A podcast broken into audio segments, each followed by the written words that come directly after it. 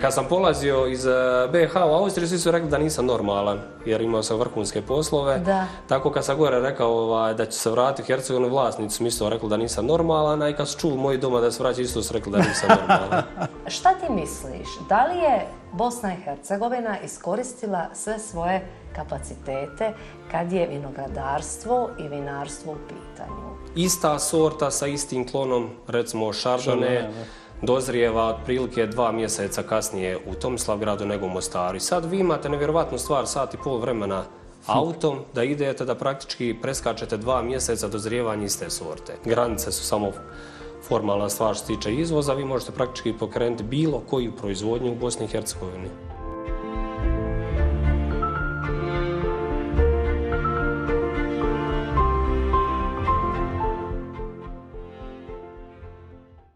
Sve naše podcaste možete pratiti na www.podcastoslobođenje.ba, slušati na svim našim audio platformama i ne zaboravite se pretplatiti na naš YouTube kanal. Zašto volimo vino? I kako ono mijenja plitke percepcije čovjekove svijesti uranjajući ga u dublje sfere postojanja? Otkrivat ćemo kroz ove podcaste. Vinari, enolozi, somelijeri i svi oni usko povezani s vinskom pričom šire naše vinske horizonte. Njihove priče traže pozornost i slušatelje. Njihova strast za vinom pljeni i osvaja. I danas imamo jednog takvog posebnog i zanimljivog gosta. Dame i gospodo, s nama je u studiju e, poznati bosansko-hercegovački enolog, preciznije diplomirani inženjer agronomije, gospodin Josip Martinović. Josipe, dobrodošao u naš podcast. Hvala na pozivu. Dobro se vam vaš našao. nisi prehlađen. Pa nisam, nisam prehlađen. Ovaj. Kažem da sam dobro našao, imao sam jako dobro upustva do studija, e, da. pa sam dobro našao. Dobro sam se da upustio. Uh, e, Josipe, evo, ja te iskreno pozdravljam. Drago mi je da si se odazio za našem pozivu. Uh, za početak bih rekao da se mi znamo već par godina vam sigurno.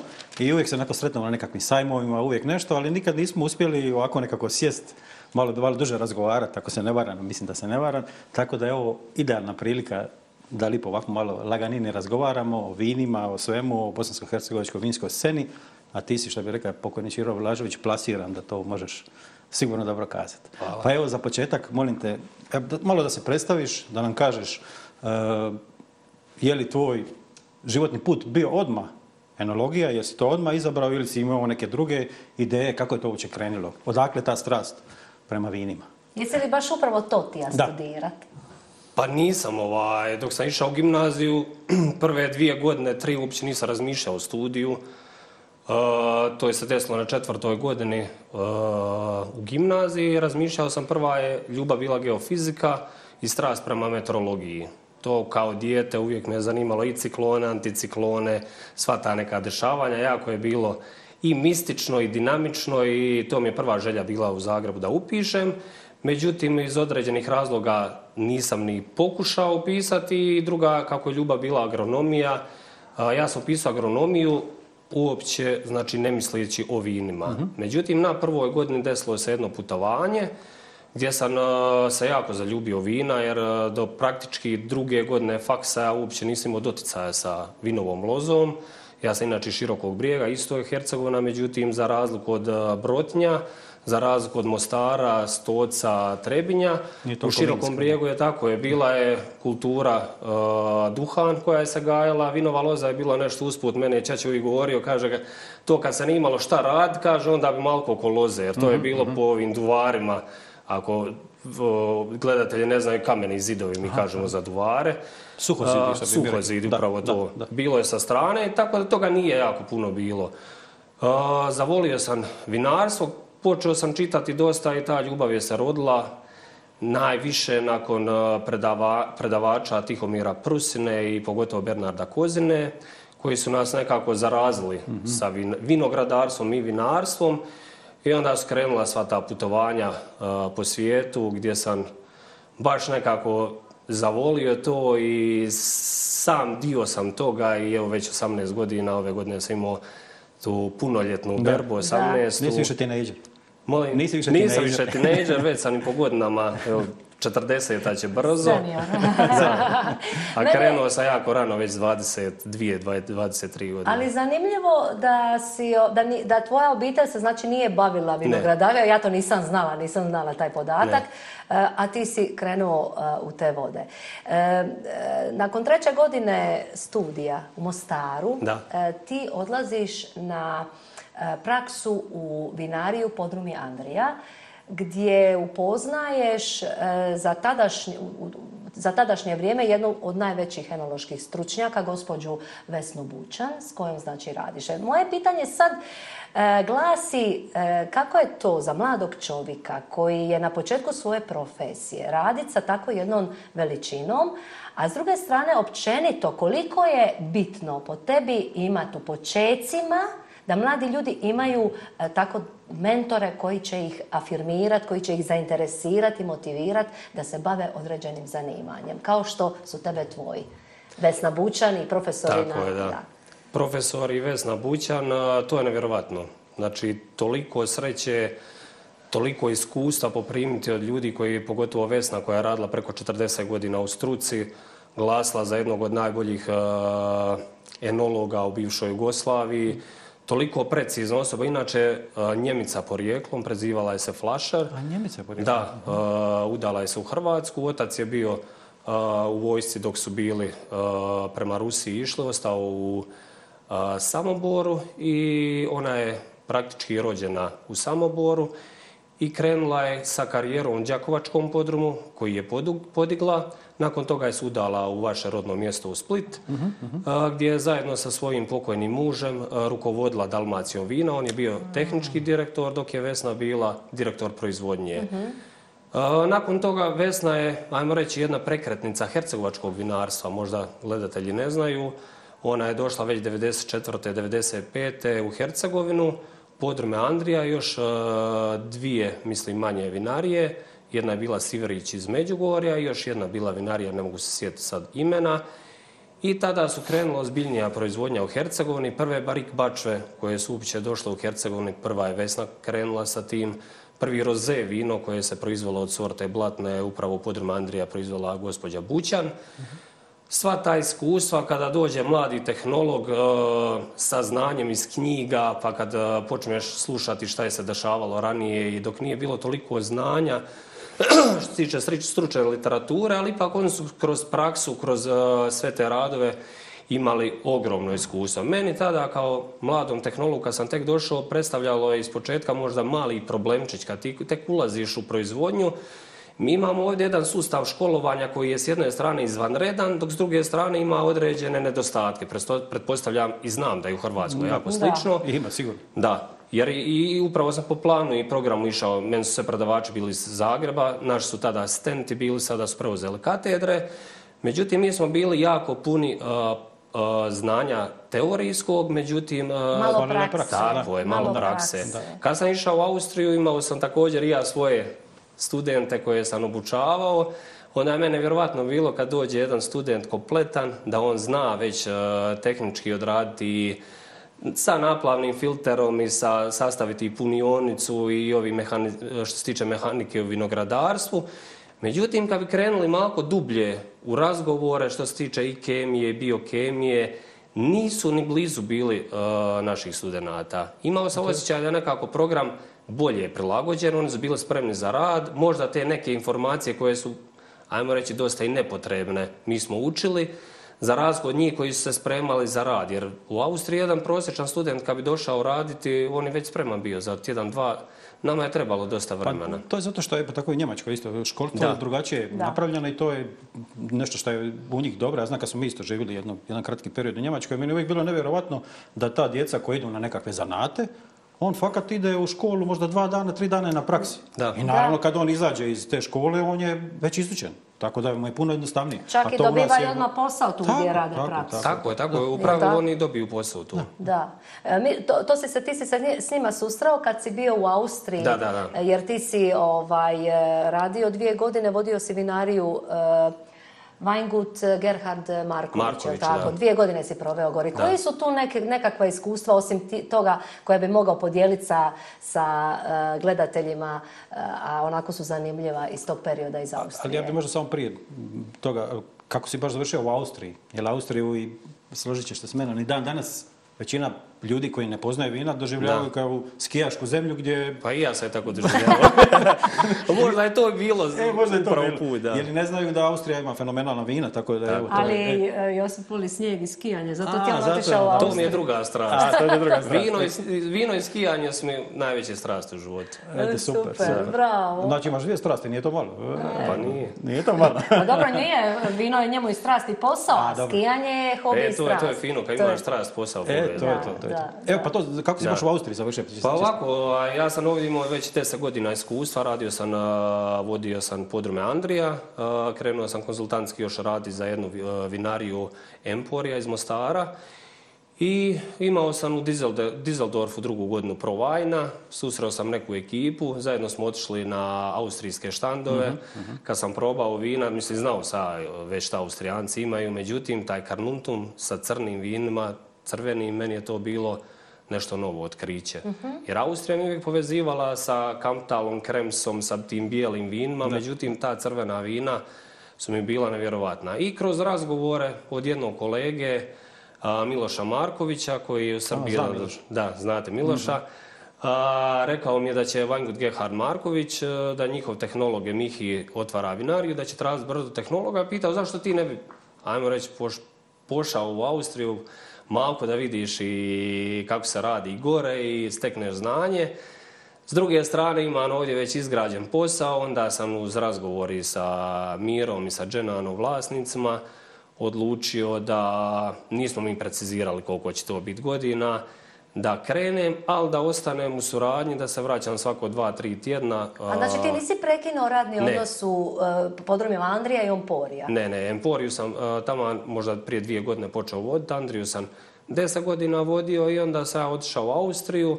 Svako dva, tri tjedna petkom bi u četiri sata sjedao u auto, vozio do dva po ponoć, mm. ujutro se ustanem oko pet, šest, odem u Mostar, radim do dvanest, jedan, onda u Čitluk do četiri, pet, prespavan i za Austriju nazad. I tako je to trajalo dvije godine. Bome dobar si. Je, ova, to je bilo jedno nevjerovatno iskustvo. Ja sam imao u Austriji uh, vlasnika koji je završio francuskoj tehnologiju. Imao sam uh, jednog kolegu koji je došao iza mene, uh, jedan od poznatijih tehnologa u Austriji. On imao njemačku školu i ja sam imao od uh, Vesne Bućan uh, nasljedstvo naše ovdje iz bivše Jugoslavije sustava školu i uh, taj hercegovački neki e, štimu što se tiče same naše proizvodnje i sve skupa kada smo radili zajedno, ja sam jako puno naučio. To je neprocijenjivo iskustvo. To je neprocijenjivo iskustvo. I... A sa kojim sortama si gore radio? Gore sam radio sa Blau Frankishon, Zweigeltom, e, Griner Veltiner, mm -hmm. Chardonnay, Pinot Noir sve svjetske sorte i treba naglasiti da je Vangugeha Maković e, jedna od najpoznatijih vinarija u Austriji. Falštaf redovno ocjenjuje zadnjih deset godina u top tri vinarije u Austriji. Da, da. Mislim, nama je poznato. Ali naravno, srce e. je vuklo Hercegovini. E, srce je vuklo Hercegovini. Ti si, uh, ti si tu. Radiš za tri vinarije. Znači, ti mora da imaš veliki, veliku količinu energije kad možeš to sve stići. Radiš znači za podrume Andrija, tu radiš najduže desetak godina, radiš za... 18. 18. 18. radiš za e, znači, emporiju e, carske vinograde carske iz e, Kremostara i radiš za jednu novu vinariju, to je jedan novi projekt, to je Vinarija Knebu u Tomislavgradu. Znači, kako sad to sve uskladiti? A obiteljski si čovjek, imaš e, obitelj, e, e, tri vinarije tražu svoj angažman, jer to su sve vinarije koje, koje imaju fantastične rezultate, vina, sve. Kako to za početak na reci sve stigneš? Kako stigneš, da. Pa stignem, imam jako dobru organizaciju, imam jako dobru i obitelj, jako razumnu suprugu. E, pa da, da, bravo za koja suprugu, je, bravo za tako suprugu. Je, da, koja je podredila svoju karijeru da bi ja mogao, jer dvoje ne može iskući, jer ne. imamo troje djece, ko Bog da četvrto na putu je.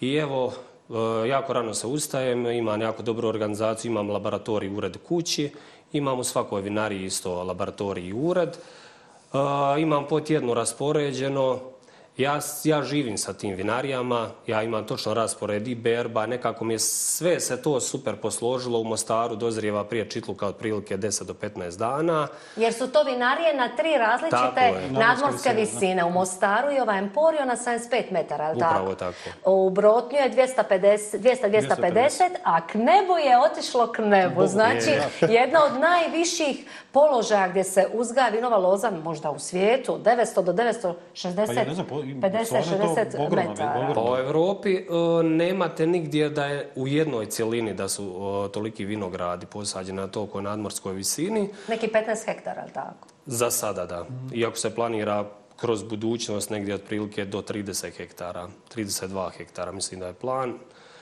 Dugoročni. E, Tomislav grad dozrijeva od brotnja još 20 dana. Međutim, tu imamo jednu isto jedinstvenost u svijetu, ista sorta sa istim klonom, recimo Chardonnay, dozrijeva otprilike dva mjeseca kasnije u Tomislavgradu nego u Mostaru. Sad vi imate nevjerovatnu stvar, sat i pol vremena hm. autom, da idete da praktički preskačete dva mjeseca dozrijevanja iste sorte. A to je stvarno zanimljivo. Ali izazov. Izazovno. Meni je Tomislavgrad bio možda najzazovnija stvar u karijeri. Kad sam tek uh, mlad krenuo pod ime Andrija, sam rekao da je Miro Ćurić najhrabriji čovjek na svijetu, jer da... Najluđi. Sad, pa najluđi, da, najhrabriji, to, to sa redovno, ovaj, a, mislim pozitivno smislu. Da. Uh, mladoj osobi sa 23 godine bez ikakvog iskustva, uh, nakon svega godinu dana, prepustiti kompletno proizvodnju, ja se ne bih usudio sada nekom. Znači, da, međutim, uz e, sve ove podrške od strane i uh, profesora Kozine i Prusine i gospođe Bućan. Možda je Miro Ćorić imao presudnu ulogu jer prepustiti nekoga sa 23 godine, dopustiti Znači ja sam imao toliku slobodu u podrumu da je to nešto nevjerovatno. Nikad, apsolutno nikad, a, šta sam god zamislio, mogao sam provesti to u dijelo, nisam imao neka, neke dirigi, e, dirigiranja od strane Do, vlasnika, šta treba. Da, je jako bitno. A to vam je najbitnije, to, to, to je nevjerovatno. Ali tako mladom čovjeku, dok si još puno energije, entuzijazma, razmišljanja, Ja tada nisam znao kolika je to odgovornost. Pa sigurno da nisi. Da. da. Sad, sad kad sam saznao, imao sam opet ogromno iskustvo. Međutim, sa 23 godina, ako vodite vinariju koja je imala godišnju proizvodnju preko 10 milijuna maraka, ovaj, to je nešto, to je nešto nevjerovatno bilo. Sad kad se vratiš nazad pa vidiš ti si praktički dijete bio s 23 pa, godina. Da. Pa jer Podrum i Andrija su stvarno jedna e, velika vinarija, respektabilna. To je vinarija koja izvozi svoja vina u 20, preko 20 zemalja na svijetu, na tri kontinenta. Sada ona među većim vinarijama, je tako? Pa po kapacitetu je četvrta, peta da. E, vinarija. Da, većim, da, znači pričamo o jednoj ozbiljnoj priči.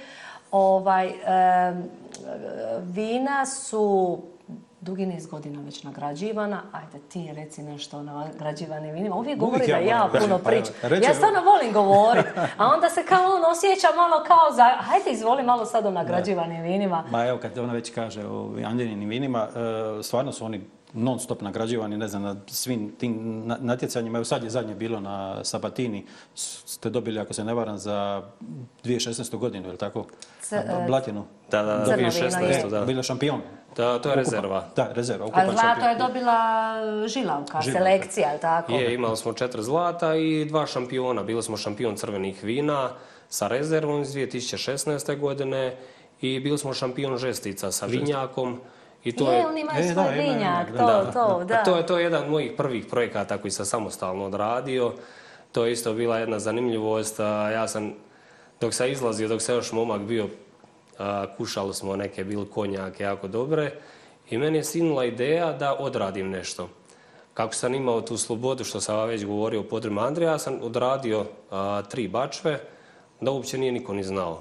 Znali su djelatnici što smo odradili, vlasnik nije ni znao i nakon tri godine kad sam vidio da je to stvarno super stvar, odradio se i karamelizaciju i zadnje te a, tonove. Kasnije se još nešto bilo dorade recepture, dao sam vlasniku da kuša, pitao je ovaj Martel. Nisam, rekao sam, nije Martel da je to naše iz podruma, kažu, nevjerovatno.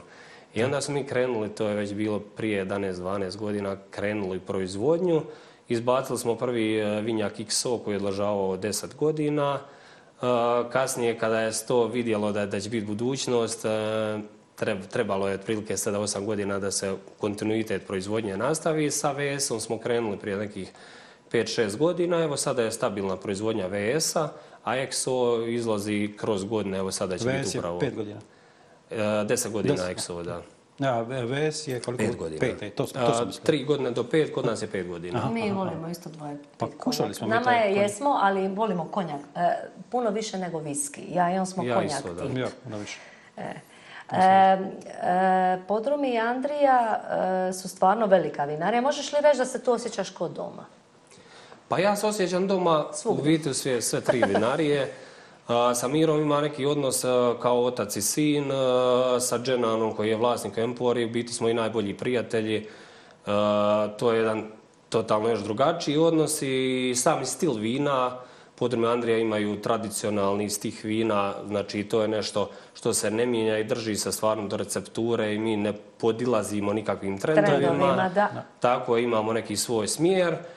Uh, Emporija su strašno moderna vinarija. I bili izbacuju... smo prekrasna, da. prekrasna Pa bilo bi čudo da vi niste pili. Jesmo, bili smo i stvarno smo ostali je. zaprepašteni ili poton. Prvo onaj ulazak, kada ulaziš negdje u Toskan, jel je, tako? Prekrasno. I onda ovaj hotel, modern, sa bazenom, doli unutra vinarija, ono, dizaj, dizajnirana je prekrasno. I prostrana, i kapacitet veliki, i tkušaona predivna. Uh, i to je baš u među vinogradima. Je, i to je bio projekat koji smo Dženan i ja počeli crtati prije deset godina. Počeli smo raditi u nekoj maloj garaži sa vrlo malom proizvodnjom i nekako smo maštali, crtali i dalje mi imamo nacrtane projekte. Ono van je svega 20-30% što će se desiti kroz 5-6 godina. Evo već kroz ovu godinu će biti otvoren još jedan hotel. Tako da nama je ono bio cilj da se pretvori jedan resort. Kao da imamo nešto... Uh -huh blizu je grada, blizu je aerodroma, ipak je mistično odvojeno je i to je kao hotel winery trenutno kao po uzoru u Hrvatskoj imate Mengeti i slično. Mhm. Da. Uh, nevjerovatan prostor, uh, vina su jako moderna i treba naglasiti da klijenti koji dolaze u Emporiju su preko 75% stranci.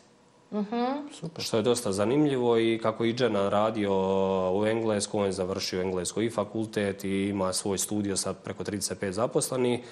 Meni je u mojoj osobnoj karijeri i on jako puno, puno pomogao, sva ta neka razmišljanja duboka i e, Ipak kad se družite s ljudima koji su proveli svoj život vanka, vi možete dosta, dosta toga naučiti. Da, nekih, nekih Absolutno. novih ideja. Neke... Je, ideje nove i sam, uh, pogled na posao, sam pogled na smisao života.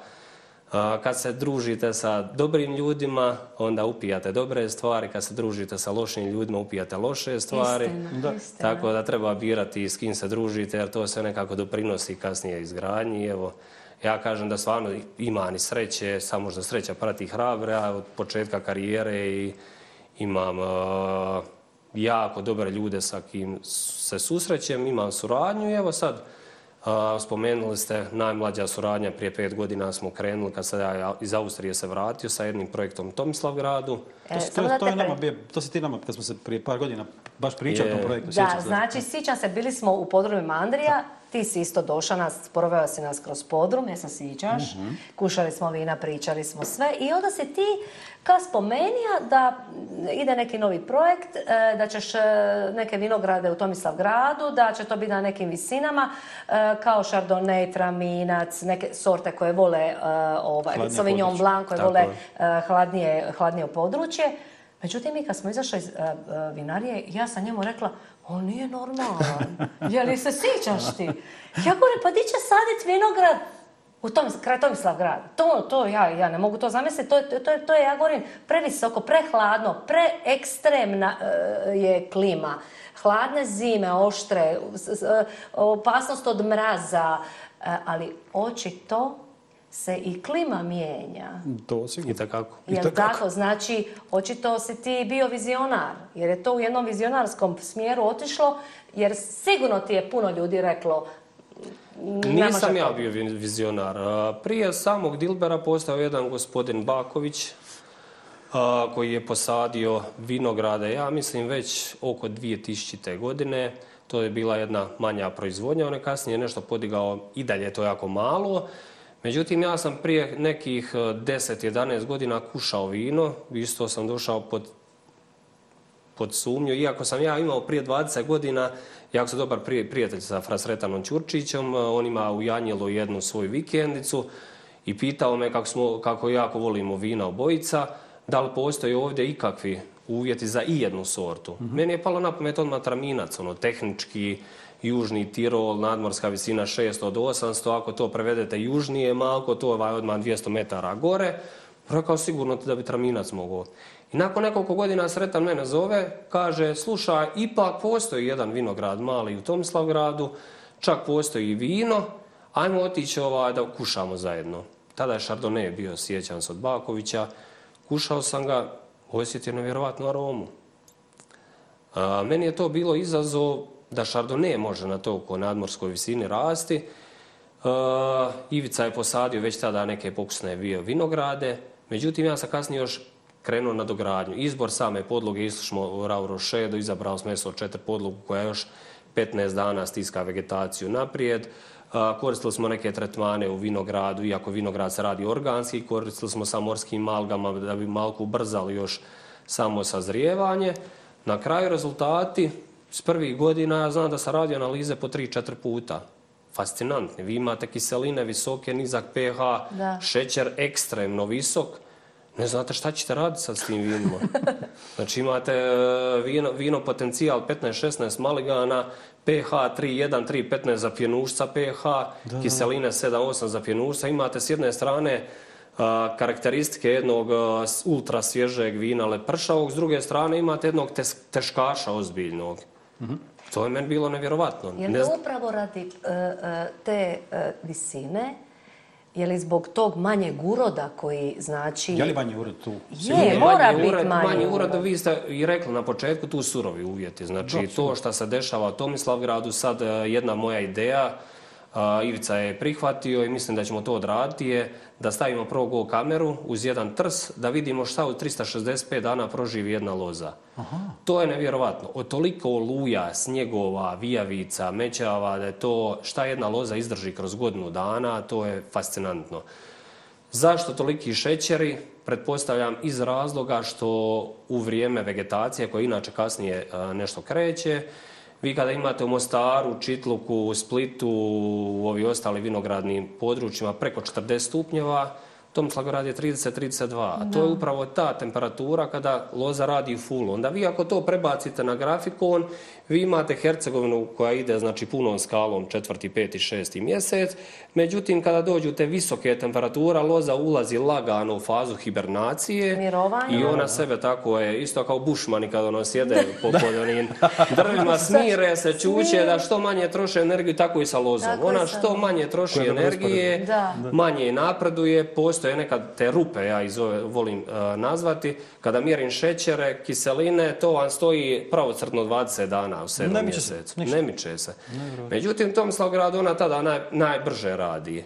Kasnije u jesen opet se po, povećava skala u Hercegovini, kada dođe primjerenije temperatura. Međutim, u Tomislav gradu tada se usporava, jer dolazi još hladnije vrijeme. Međutim, ta terpenska aktivnost koja se uz kožicu stvara i na epifitnom kvascu, kada su izmjene relativno toplih dani, vrlo hladnih noći, to je Tomislav gradu nevjerovatno. A to je idealno za Pinot Noir. Pa, pa tako je pinot. Idealno je e. za, za sve sorte, za sad što imamo podatke, za ove sad trenutno, iako imamo pokus još 26 sorti, međutim, to stalno naglašavam i volim reći da smo i ušli nepoznato. To ma isto kao u svemiru. Sad vi mm. plovite da. kroz nepoznato, ovo što je se odradilo je iznimno, stvarno ima perfektne rezultate. Šta će se dalje dešavati? Vidjet ćete. Vidjet ćemo. Ja imam e, optimističan sam, međutim, e, to je nešto novo. To je da. i za državu novo. Vi nemate vinogorja. Da, da tu znači, nema vinogorja. Nema vinogorja. Pa, pa to. O kojem vinogorju pripada? Pa evo, po zakonu BH vi se možete e, najbliže vinogorju.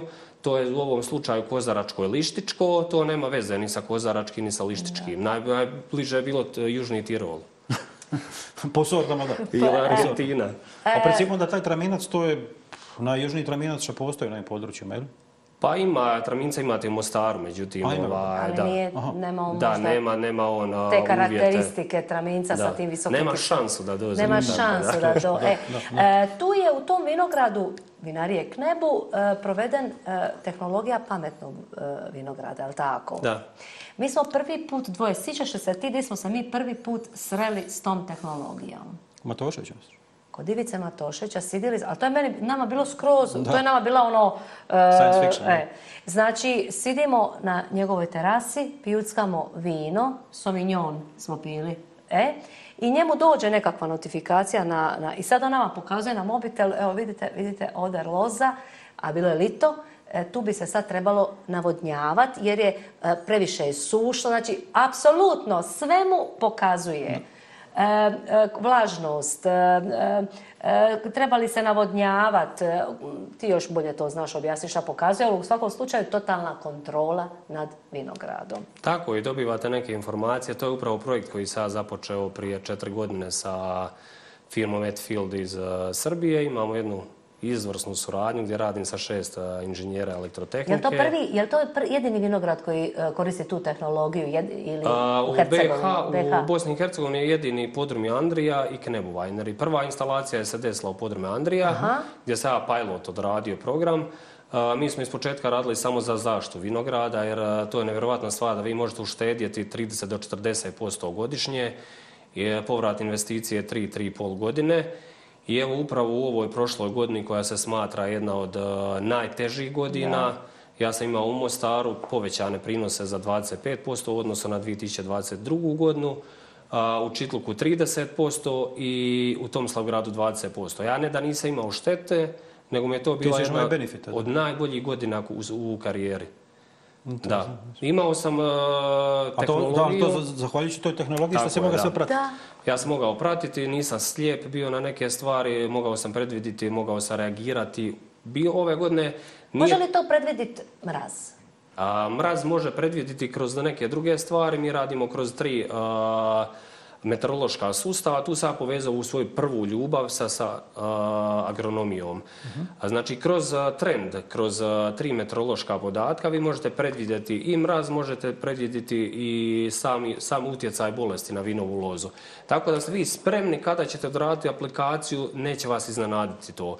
Imate u notifikacijama, dolaze vam obavijesti kada trebate odrati aplikaciju, koliko je prošlo zadnje aplikacije, kada istekla, dolaze upozorenja. Imate unaprijed eh, predviđeno kada se koja bolest eh, pojaviti. Imate retroaktivno povrat. Imate eh, slučaj sistemičnih preparata da možete i unutar 48 sati djelovati. Tako je se ostvarila infekcija, vi možete ući u vinograd Super.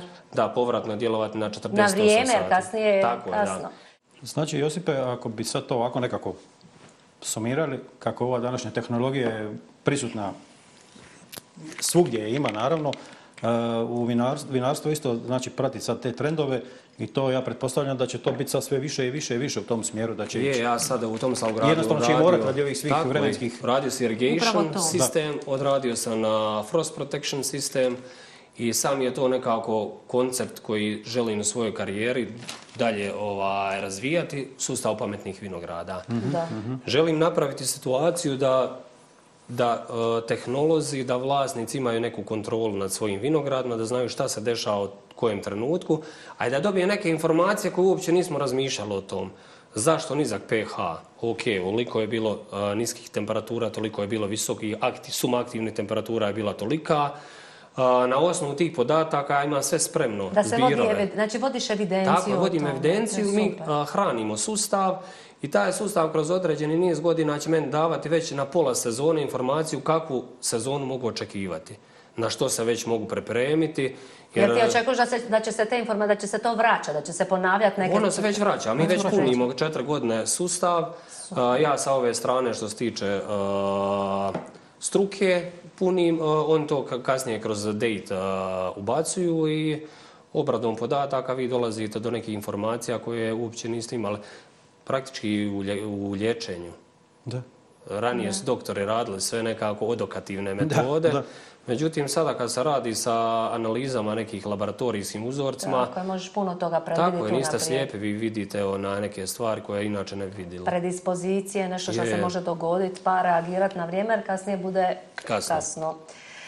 E, a što se tiče e, vina, e, vinifikacije, školovanje vina, ajde reci nam malo o tome, u kakvim bačvama, vino odležava. Kako u konačnici vino... Misliš e, u vinari knebu ili... U knebu, ne. mislim na knebu. Ne. A vinifikacija, što se tiče vinifikacije, malko je drugačija nego e, u ove dvije vinarije.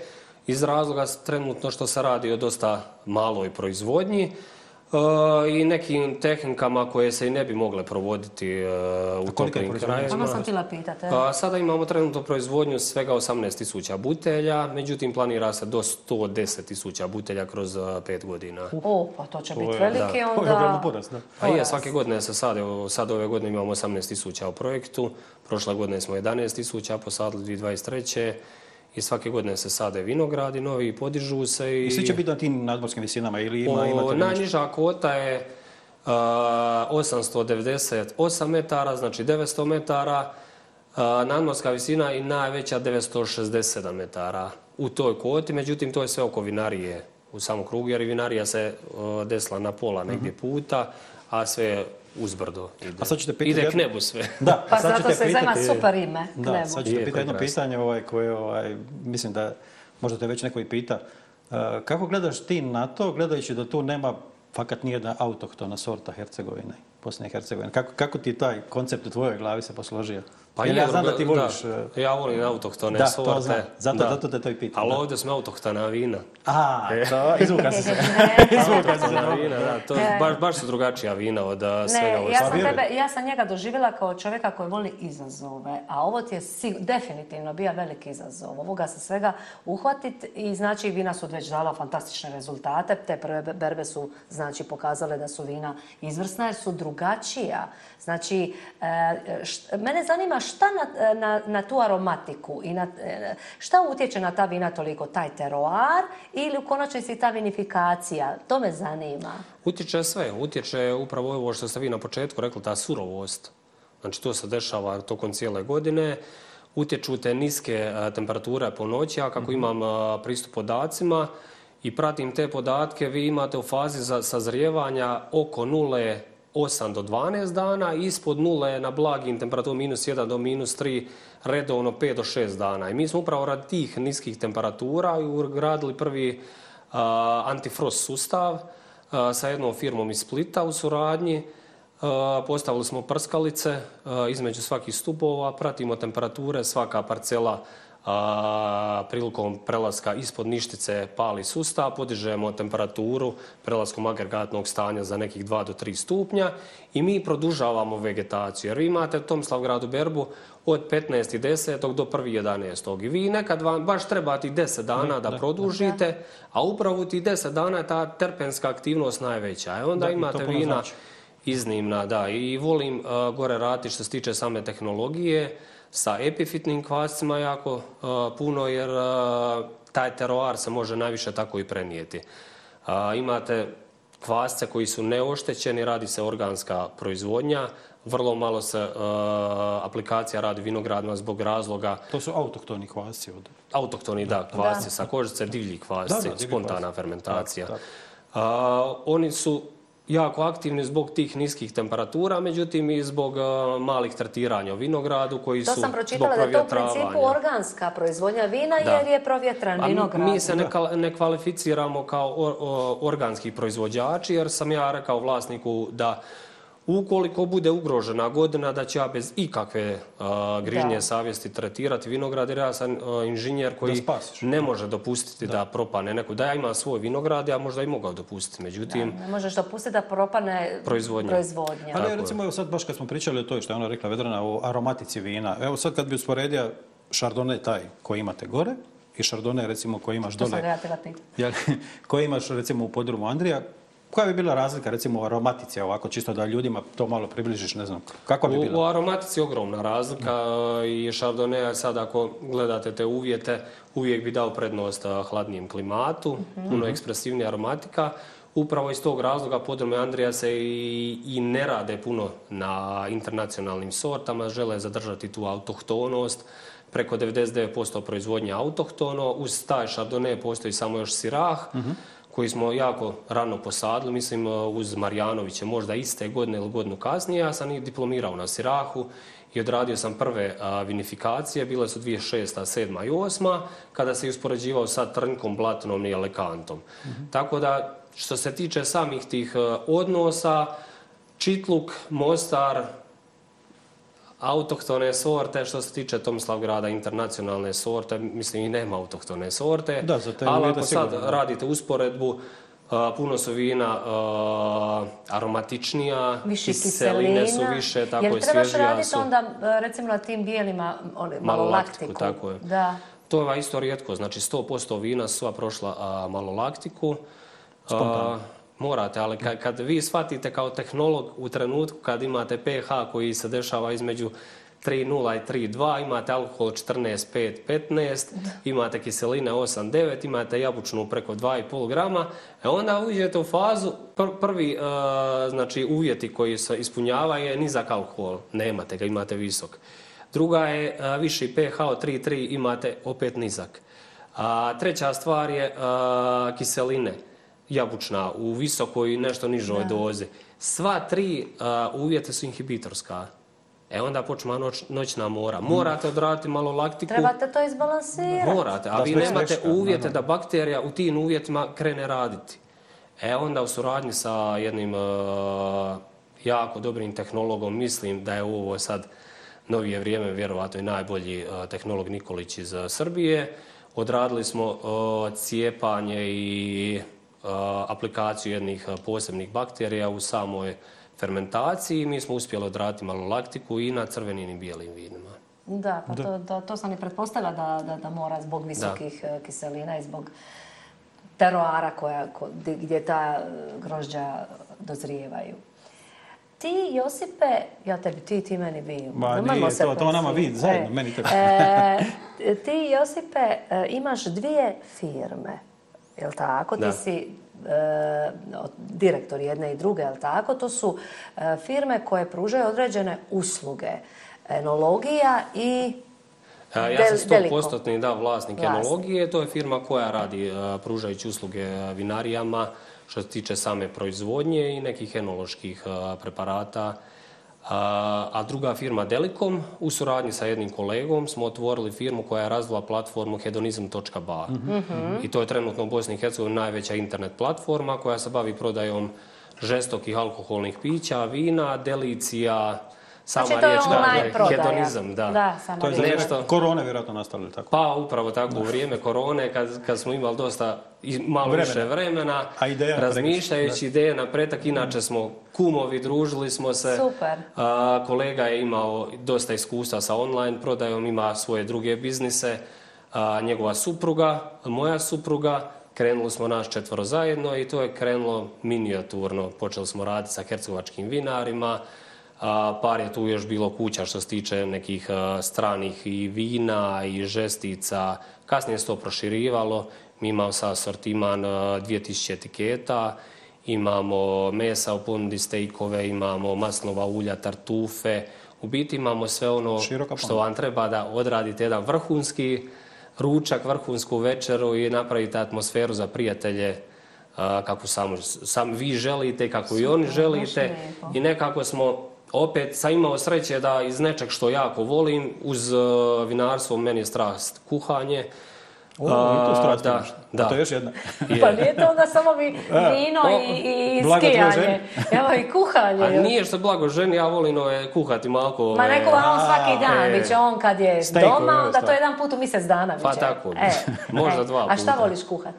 Steakove, ribu, lud sam za ribu, riba, riba mi je daleko najdraža Evo sad kad pričamo o tome, Koje vino ti rado spaviš s Rimona? Recimo sa Gradela. Pa evo, ja ću vam morat reći za bijelo. Iako nisam ma, ljubitelj ma... neki bijeli vina, crvena vina spajam sa svime. je, ti crvena vina spojiš sa bilo ribom s Gradela. Tako, ne imam... samo ne stuno. Nego... Moja, moja obitelj čitava, znači... E, kušamo mi ja naravno do 10 sati ujutro inače radim degustacije i da kušam i bijela vina, bavim s proizvodnjom. Međutim, da nisam tehnolog, vjerovatno ne bi konzumirao bijela vina nikad. Ozbiljno? Da. Ne ja voliš, ima... ne voliš bijela vina? Nije da ih ne volim, nego toliko volim ta crvena A, vina da voliš nema se... nikad prilike, osim bijelih vina koji dolaze iz Njemačke, uh, iz Mozela. O, da. To, to je svijet za sve. A znači voliš Riesling? Da, za Rieslingom sa Lud. Uh, I oni, oni, mi, oni su mi na jednoj strani vina, na drugoj su mi sva ostala. Znači, ljubitelj crvenih vina, a ipak mi je Riesling najdraži. A on bi ti išla fantastično uz ribu zgrada, ova? Je. Ma umisli oni da on je... On ide fantastično uz dostanje. vino. Tako da ono... Ali iz eh, ribu zgradela Spino Noiron eh, vi imate pa pa to, da. odlično... Je, ovaj. to, da. Da, stunu, Pogodobno. možete i uz uh, zubatac koji je se odradio na gradelama Mislim, ima tu i skarpaćo i dosta stvari koje se može. Bitno je uh, okuse prilagođavati sa vinima. Znači, teški okusi, strukturna vina, Tako laganiji je. okusi, uh, nešto laganija vina. Vi možete sa crvenim vinima kombinirati neki, neku hranu što je se u nas pod navodnicima kaže ide uz bijela. Ma mhm. Evo, ide ona uz dosta vina. Pa treba to ja moram spomenuti jednu somelijerku. E, ona je e, sa Kvarnera gore. E, radila je dugo u, u Norveškoj u jednom vrhunskom Mislim da je bio Michelin star restoran, tako nešto. Nije ni bitno, ali radila je, ja mislim, ne, časlava kćer, Lucija. Lucija Matijević. Ona je, znači, nama rekla da gore nema da ti ide bijelo vino sa ribom, ide crno vino sa crveno vino, vino s mesom. Ne. Znači, tu oni, upravo ovo što si ti reka, kao, to je nama bilo iznenađenje, se sićaš. Znači, oni crno vino piju sa ribom. I ona kao somelijer uopće kaže i to, i to ti paše, valjda, ta, ta, ta, to podneblje, riba na koji je način pripremljena, drugačija pa, dobro, možda... Drugačija riba u e, Norveškoj e, nego u nas. Tako jest, da... E. Tako da um, Fakat je puno masnija, sigurno je ta riba. I masnija, je, ima arome izraženije. Tako, tako. Ja isto ne volim taj snobovski I zavisi, pristup. I zavisi e, stil kuhanja. Postoje te ljude koji, koji dosta uh, začine hranu, sami ti začini zahtijevaju malo kompleksnija, strukturnija vina. Ako tako. je nešto, uh, primjerice, riba, hobotnica, ako je ona lagano termički obrađena, ako ima dosta kiseline, ako je nije intenzivna na začinima, onda naravno bijela vina, lepršava neka da, vina. Međutim, da. ako tu istu hobotnicu, tu istu, peke, tako je, tu je. na steak odradite sa začinima, Vi apsolutno možete crvena vina Istina, raditi. to je baš, tu, je, tu se može čovjek igrati. I nije isto riba zgradela, riba lešo. Tako, to nije, i nije isto. isto, jel divlja riba, I je li riba iz Karlozloga? Vi znate ne, sam zubatac, e, divljak, da traži nešto kompleksnija vina. On je masniji, on, on je... Ako je kila, ako ima 5-6 kila, on traži vino strukturno, traži vino koje će ga držati dalje, jer sama ta masnoća vama vuče nešto što ćete sljubiti zajedno. A slušaj, mi u Dalmaciji u, u, u, u prošlosti, stari ljudi su pili sa svim crno, pa crno jedu, vino. Tako, Oni su, bilo šta god da su, moj otac isto kad je ispeka zuba sa pijega sa svojim crnim vino. Pa koje je ono, sviče, kad smo bili dica, ono, pokojni dida, jeli, svi su oni radili neko vino, Meni, ja se samo sjećam crnoga vina, uopće se ne sjećam ne, bijeloga. Da ga iko, pa nismo na, mi ni imali toliko crno. to u zadnjih možda da. 20 godina su ta bijela vina, pogotovo u zadnjih 10 godina. Mi sad u Dalmaciji imamo stvarno fantastična bijela vina, ali prije u prošlosti Ma ne. ne. ne. ne. ne. Tako Nekako da... je tradicija više bišla što si kažeš je. kad crnim vinima. Pa crvenim. Pa ovdje u, imate zapadnu Hercegovinu koja je miješala uh, crno i bijelo grožđe. Upravo zbog nedostatka uh, te veće proizvodnje, primjer Ceagde sa odrasta u širokom brijegu, uh, 90% domaćinstva je miješalo crno i bijelo grožđe. I to je dakle, bilo, vi u Dalmaciji kažete, opolo. Da. Da. da. I što se tiče bijeli ko bi radio, to bi mi zovemo imotska tehnologija, sada poznati oranž vina. Znači, u nas su ljudi bili... A to je imotska tehnologija? To smo mi zvali tehnologija. Je. Nisam to što Je to imotska tehnologija i ovaj, u nas ljudi bili uvjereni do zadnjih 10 godina da vino bez eh, maceracije, bijela, govorimo o bijelim vinima, da samo tok ne može o, fermentirati. Mm -hmm. Znači, mhm. on mora biti na kožici. Međutim, ljudi su nešto radili nesvjesno, jako dobro. Upravo ta bijela vina koja su imala fenolnu aktivnost u samoj maceraciji, bila su obogaćena a taninima koji su kasnije čuvale vina. Je, jer vi niste je. imali ka, e, ranije korištenje ni vinobrana, ni ostalih enoloških preparata koji bi sačuvali I vina. I vina bi brzo brzo otišla. Tako, I onda su oni primijetili da ta vina ipak ostaju. Evo, imate i dosta uh, i sada ovih tradicionalnih starih proizvođača koji i dalje su skloni a oranž vinima, onda ja kažem nešto što je, što je sada hit u svijetu, zadnjih možda 7-8 godina, to mi pijemo cijeli žun. To se davno radilo, da. a pa kad jesu sad, da reći, oranž vina su zadnjih godina dosta, jesu, jesu. dosta popularni. Semi oranž i oranž. Ja sam više ljubitelj semi oranža. A jel?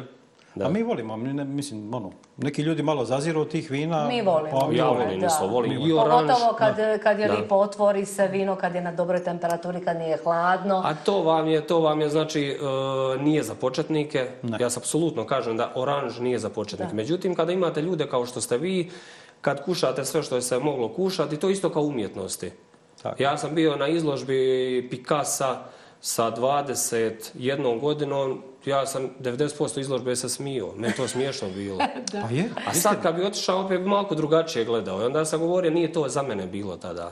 E, to je isto kao da, za muziku. Sam je žao što sam e, to bio. Isto, a to je recimo isto kao i za muziku i za film. E, Evo, ja gledaš neke filmove, ja ne znam, uvijek se sitim serija ovih naših malom isto, velom isto. Ti smo, mi smo to gledali u različitim životnim fazama.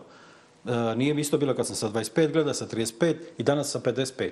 Znači, nije to isto. Ti tačno vidiš koliko si ti sazrije, koliko drugačije to sve gledaš. Tako, tako je i u tome. Ja ovim spomene Narsana Dedića ili Josipu Lisac, ne možeš ti to uh, slušat sa uh, 15-16 godina, tako, tako. a mi štedamo stariji jako puno slušamo Arsena Dedića, Šarla Znaura, znači te šanse koje mi ne bi pale na pamet Prije slušat pa pale. kad sam uh, bila ono rock and roll, da, tako? Da, tako da. da uh, sve to ide nekako uh, sa zrelošću, tako i ta vina. A mene sad zanima, nešto drugo. Tvoje mišljenje o tome e, šta ti misliš? Da li je Bosna i Hercegovina iskoristila sve svoje kapacitete kad je vinogradarstvo i vinarstvo u pitanju? I gdje se još tu može raditi i na koji način? Apsolutno ne. Znate, ću Znam reći. da ću Apsolutno ne. Ja dok sam studirao, sad je to baš prošlo 18 godina od tog, mi smo imali neki projekt, e, cilj je bio 10.000 hektara tada smo imali otprilike 4300. Sada vam govori uvijek otprilike, jer u mhm. Bosni i Hercegovini nemate preciznih statističkih podataka, tako da ovo što imamo sa terena, dosta je informacija, međutim nisu to toliko precizni podaci. Danas, ne da imamo 10.000 hektara, mi smo sa tih 4200-300 hektara, do 400 maksimalno, spali na, otprilike mi procjenjujemo sada da imamo 3100 do 3300 hektara. Da, tako nešto je. Mahom mali proizvođači, mahom ta obiteljska tradicija nestaje u Hercegovini, mladi ljudi bježe iz vinograda, a to je nešto jedinstvo, nešto sveto, znači stotine, stotine tisuće ljudi u Hercegovini su upravo školovalo. Da. Ta loza, duhan tako, loza. duhan loza, to su bili izvori dodatnih primanja. Nisu ljudi živjeli od tog, radili su firma, međutim imali su dodatni izvor primanja od kojih bi školovali svoju djecu i ulagali u nešto što ne bi moglo od plaće odraditi. A čekaj, zašto? Mislim, šta je po tvome mišljenju idu vani? Pa šta Dobro, ako je to bilo prije 10-20 godina, šta danas mladi čovjek u Hercegovini, Dalmaciji, bilo di na ovim prostorima, misli da će vani naći? Da, to je pitanje. Šta pa ja... misli da će vani naći nešto bolje nego ovde? A, a stranci, s druge strane, slušaj ovo, Josipe, kupuju pojačano. Evo, kod nas u Dalmaciji kupuju zemlju, kupuju kuće, preseljavaju se živiti u Dalmaciju. Znači, kod nas dolaze iz Evrope. A naši ljudi, mladi, idu gore radi, živi u nekom malom stančiću.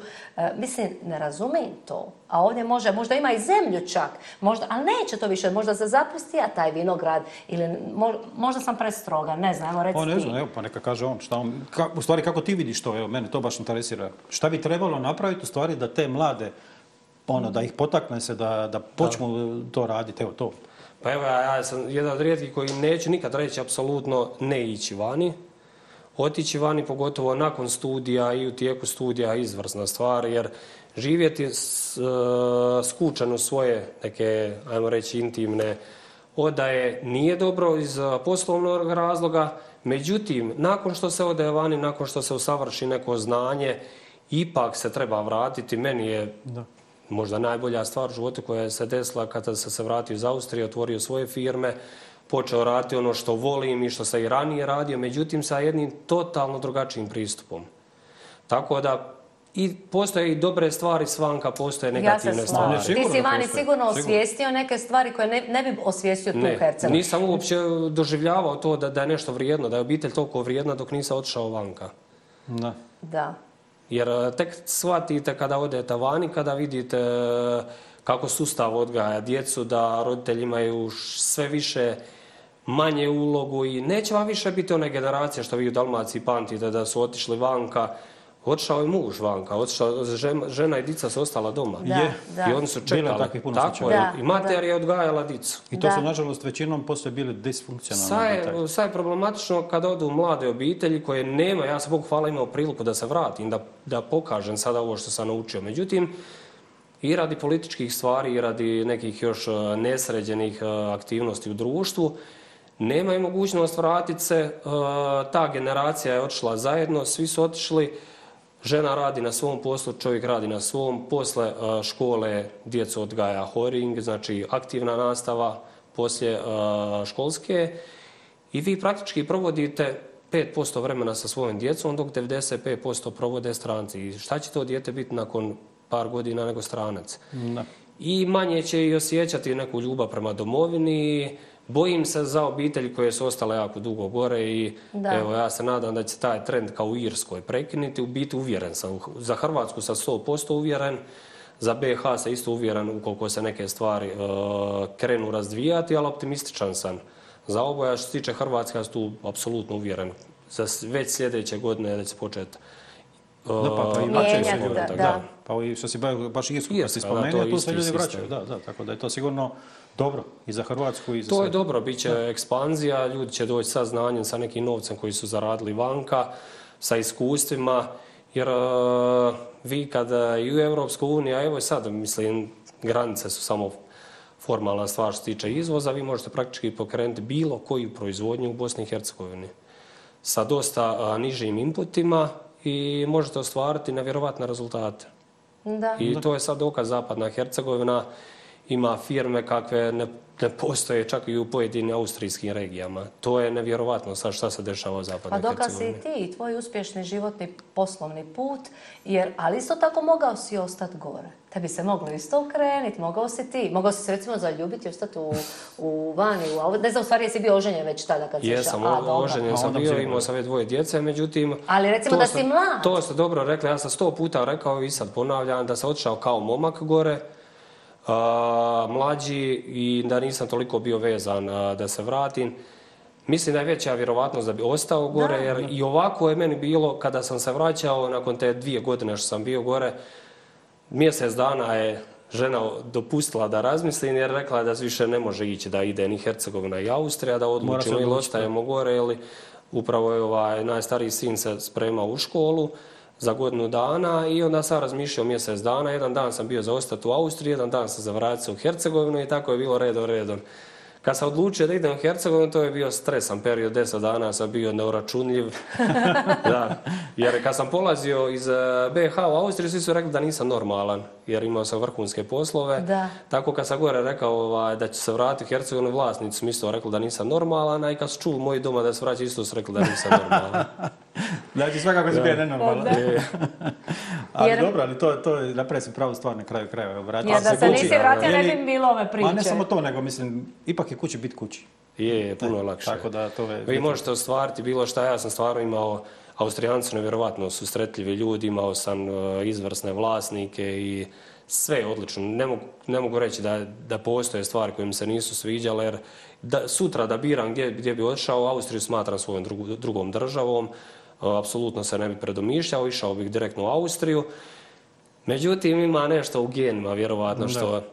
vučete, vučete. Ja sam od tih dvije godine uvijek bio na nekoj vaginici, sam tamo ni vam, uvijek sam čekao nešto u fazi si čekanja. Samo čekaš, čekaš, čekaš.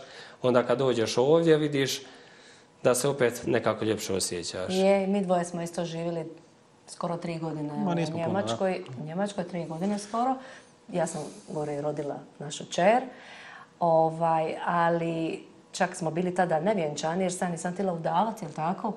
Ja govorim, ja ću se udati u Splitu. Da. Aha, ja ću se udati od Daglesa u svojoj crkvi. Da. Ja se neću udavati u tuđoj zemlji. Jeste, tako da, uh, moj brat koji je mm, radi u autoindustriji, on je stvarno gore imao fantastičan posao, završio gore i školu.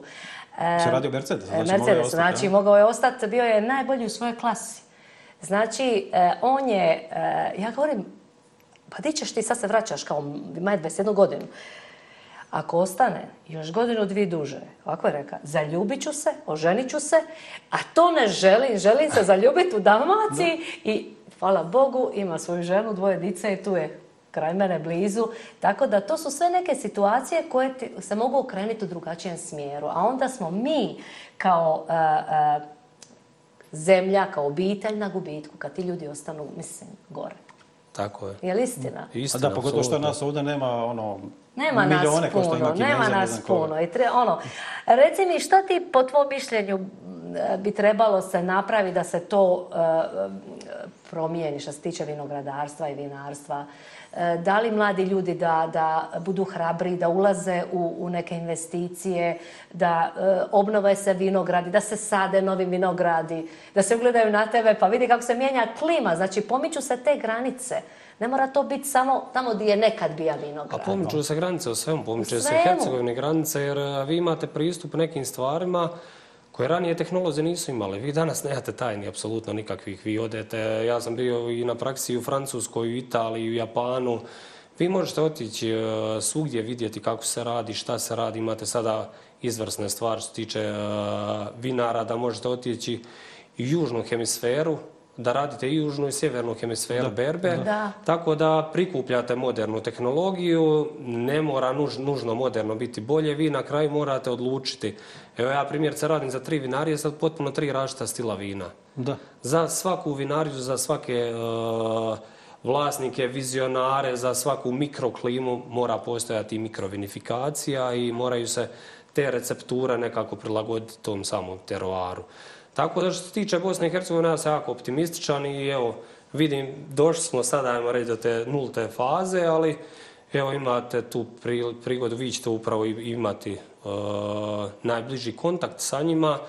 E, mlade proizvođače koji se sada od očeva preuzeli to, neke nove koji nisu uopće imali tradiciju, da su krenuli i evo imaju sad prigodu u Evropska unija i Bosna i Hercegovina imaće pristupne fondove kroz dvije do tri godine, tako da vidim tu perspektivu, vidim tu mogućnost mladih da Super. odrade svoj vlastiti biznis, a evo što se tiče države, pozvao bih da se upravo i financiraju te stvari, jer evo podizanje nasada, već sam par puta to govorio, to je nešto nevjerovatno. Vi dopustite nekom dadnete da podigne nasad, da u biti sfinancirate to, međutim, to se vama kao državi vraća sve kroz četiri godine. Da. Vino je akcizna roba, vi kako proizvedete grožđe, kasnije ćete proizvesti vino, platit ćete državi akcizu, platit ćete državi PDV, da, tako da tako. država će imati, e, zaposlit ćete ljude koji su bile nezaposleni ili su radili manje neke obrte, tako da je to državi plus. A ovdje imate priliku da sa ti 3300, što smo rekli, do 10.000 hektara se podigne. Evo, vidim, možda kao i nijednom biznisu, da se sada mladi možda trebaju aktivirati. Evo, a, mi što, što nas ima nešto starijih tehnologa, jako smo voljni pomoći. Super, I mi smo dobivali bravo. pomoć dok smo bili mlađi. Tako da, volio bih da se desi neka ekspanzija, ja je očekujem i jako sam optimističan. Mi to pozdravljamo. Jesi li ikad razmišljao da se baviš politikom? Ne. To... Mislim da takvih a, ljudi... A, sam ali, totalno. E, a šteta da. zato što takvih ljudi sigurno e, treba. Iako mislim u politici, politika je dosta kompleksnija, je dosta izazovnija i po meni uz liječnike jedna od najodgovornija Kako stvar. Ne? Jer sa od ljudskim sudbinama i životima Tako, radi. Međutim, u nas se politika veže e, neispravno za nešto jako loše. Mm biti političar, biti jako dobar političar je izvrsta stvar. Evo, vi imate ovdje sad prigodu u Mostaru, kada je došao Kordić, nevjerovatne se stvari. Ja ću otvoreno reći Kordić jer nisam simpatizer ni jedne stranke, apsolutno ni Hrvatske, ni Bošnjačke, ni Srpske, meni su sve jedno, e, apsolutno svaka. E, radim sa muslimanima sa druge strane, radim sa Hercegovicama sa ove strane, Nevjerovatna je činjenica koliko svi ljudi pozdravljaju e, novog gradonačelnika, koliko je on promjena donio. Evo sad su imali koncert Željka Joksimovića, 20.000 ljudi je bilo, boca nije razbijena na trgu bila. Da. I to je jedna prekrasna slika koja se Tako. šalje u svijet. A sve je to stvorila opet politika. Tako da politika je odgovorna stvar. Ja sam apolitičan, neće se nikad sigurno baviti politikom, ali... A... Vina bi bila na gubitku da kad bi ti bilo bi dobro. Nisam bio bi ja, ali, bio, bio, bio bi ja na gubitku, a imam prigodu da radi nešto stvarno što volim. Voliš, i evo, ide, jedva čekam svaki put kada je novi radni dan, kada idete na posao veseli, kao što i vi kada idete. Ali ti su u principu umjetnik. Je, jedva čekaš, jedva čekaš, jedva čekaš skijanje, da ideš na skijanje. Skijanje, tjedno idemo ovdje ovaj, kupres Blidinje, sa obitelji imamo jedno malo skijalište. To ti na jednoj bazi skijanja. Ono, pa ja vam skijan, onaj, ko što vi kupate. je, pa to je to, da. to je to. Da, da, I ako da. mi ljeti idemo, znači mi isto na tjednoj bazi, nama je sad uh, e, more, sad planina. Pa dobro, nije vama daleko. Da, mi odeš... posla ručka odemo, kupamo se i vratimo se doma. Tako zimi skijanje, a evo kada s obitelji idemo, da idemo ili Ahor na Busovača. Uh, sad planiramo možda u Austriju opet. Evo vidjet ćemo. Ajde, super. super. A super. koja vina voliš pit? Osim crnih, jer možeš precizirati ovako koja sorta ili nešto što ti je baš ono drago? Sirah. Ja sam diplomirao na Sirahu. Preo sam masu stvari jer to je bila dosta nepoznata tada sorta. U Hercegovini nije, nije nikako bila poznata i ovo mi je bila prva ljubav i posadio sam i svoj vinograd vlastiti već prije 12 godina. A ja se sjećam s kojim entuzijazmom se ti nama rekao kad smo bili u podrumima Andrija kako je ta sorta eh, bogom dana za ovaj ovdje kraj, da jako dobro uspijeva tu je. u Hercegovini. A to smo baš o Sirau pričali eh, vinarija Marijanović kada mm. nam je mm. bila prošli podcast, da. Eh, kako je njegov otac kad je njemu Tihomir Prusina da. dao da kuša Sira kako je bio odušavljen. Znači, A, mi znači, smo čak i bili ovaj, u, u Roni mi smo bili da, da, u domovini. Šatan of the Pup, tamo smo bili. Šatan of the Pup. Predivan mali gradić, da, da, jako, da, da, jako lijepo vina. Da, na Hermitaž, bar tu nismo. Nismo, nismo, nismo. nismo tu nismo, nismo otišli. E, a to uvijek moraš da. nešto ostaviti. Uh, e, kad ne. mi ne putujemo, mi nikad sve, sve, sve, sve nećemo, aj to ćemo za drugi put. Tako da... Uh, Tako da e, znaš da ćeš se vratiti. Da ćeš se pa, pa, vratiti, pa, da se vratimo. Ne možeš se, i treba život dozirati. I ne treba ga uzimati prenaglo, e, lipo polako, za sve, sve ima svoje vrijeme pod suncem, je li tako? Nadam se. E, ja se isto nadam da ću doći sad u fazu da ću uh, moći malko više putovati. Bio sam aktivno putovo dok sam mlađi, bio sad je to malko manje jer ne dozvoljavaju mi obaveze, ali evo nadam se kroz određeni par godina kad se neke stvari koje sam još zamislio posluže, Ajde, da dok ću... dica odrastu na kraju kraja. E, I dica dok odrastu. A sad slušaj, kad, ti, kad vam dica odrastu, tek onda ćete uživati. E, ja bi to, mi smo 33 godine zajedno, od toga 31 u braku. Ne znam koliko ste u braku. A u braku sam e, uh, uh, 11 kažem. godina. 11 godina, dobro, bravo. A to, to su ona teža pitanja, jer, e, kod, jer žena, kaže, žena doma kad te zovne, kaže Ivica ili Miro ili Dženan, ono, u koje bačuje, koje vino, znaš i datum punjenja, e, neke da. datume rođenja djece, aj to opet i znan, ali neke dosta stvari u kući, ne znam gdje šta stoji i to. Da, da. Ali htjela sam reći da e, tek e, e, kad dica odu, kad od, dica nikad ne odu, ona su uvijek naša dica i da moja čer ima 31 godinu, ona je moja beba još uvijek, mislim. E, dite ti je dite, ali kad dica odu za svojim putem, ima izgrade svoje živote, e, ne žive više s vama, onda ćete tek uživati u životu. Zato što ćete biti na takvom jednom levelu i razini u glavi, a ako se uspije sačuvati brak, što ja kažem da je danas najveći izazov, eto, mm. mi smo ga, hvala dragom Bogu, sačuvali, onda nas nastupa po meni najljepši životni period za bračni par. Znači, to plus 50. Dobro. Tako Bog da. Tako Nadam Bog da, da će Bog. Super se. Jesmo mi prije, ovaj, e, pre, prešli uru vremena? No, ja sam ne pita Josipa. E, ne znam, Josipe, puno ti hvala što si u svom prebukiranom kalendaru, da. jer jako puno radiš i zauzeci, našao vremena da si došao u naš podcast i baš nam je bilo lipo. Ja Lijek. sam se osjećala kao da negdje onako Samo u nekom ne kafiću. E, dobro, evo sad ćemo mi. Sad ćemo, sad ćemo mi. Vama hvala što ste me pozvali. E, iznimno mi je zadovoljstvo bilo odazvati se. Evo, ovaj, neradni dan je, nedjelja je upravo stvoreno za uživanje s prijateljima. Vas smatram prijateljima. Evo, hvala. sjedili smo, razgovarali smo meni je prestalo Kućaš zadovoljstvo. Je. Je. Nama isto, baš Fino je to, pa je studio. Je. Ma, malo vani nisu toliko lijepi uvjeti, tako da je sad puno ljepše unutra. Ali ovdje, da? tamo je zima, možda snijeg pada, ali ovdje je ljeto. Je. E, e, ja bi se sad pozdravila sa svima vama koji nas gledate i slušate. Do sljedećeg puta, kad ćete e, nas imati ponovno prilike gledati i slušati uz još jednog zanimljivog gosta. Sve naše podcaste možete pratiti na www.podcastoslobođenje.ba, slušati na svim audio platformama i ne zaboravite se pretplatiti na naš YouTube kanal. Josipe, hvala ti još jedan put, a vama svima želim nazdravite s nama do sljedećeg puta. Hvala. Hvala vam.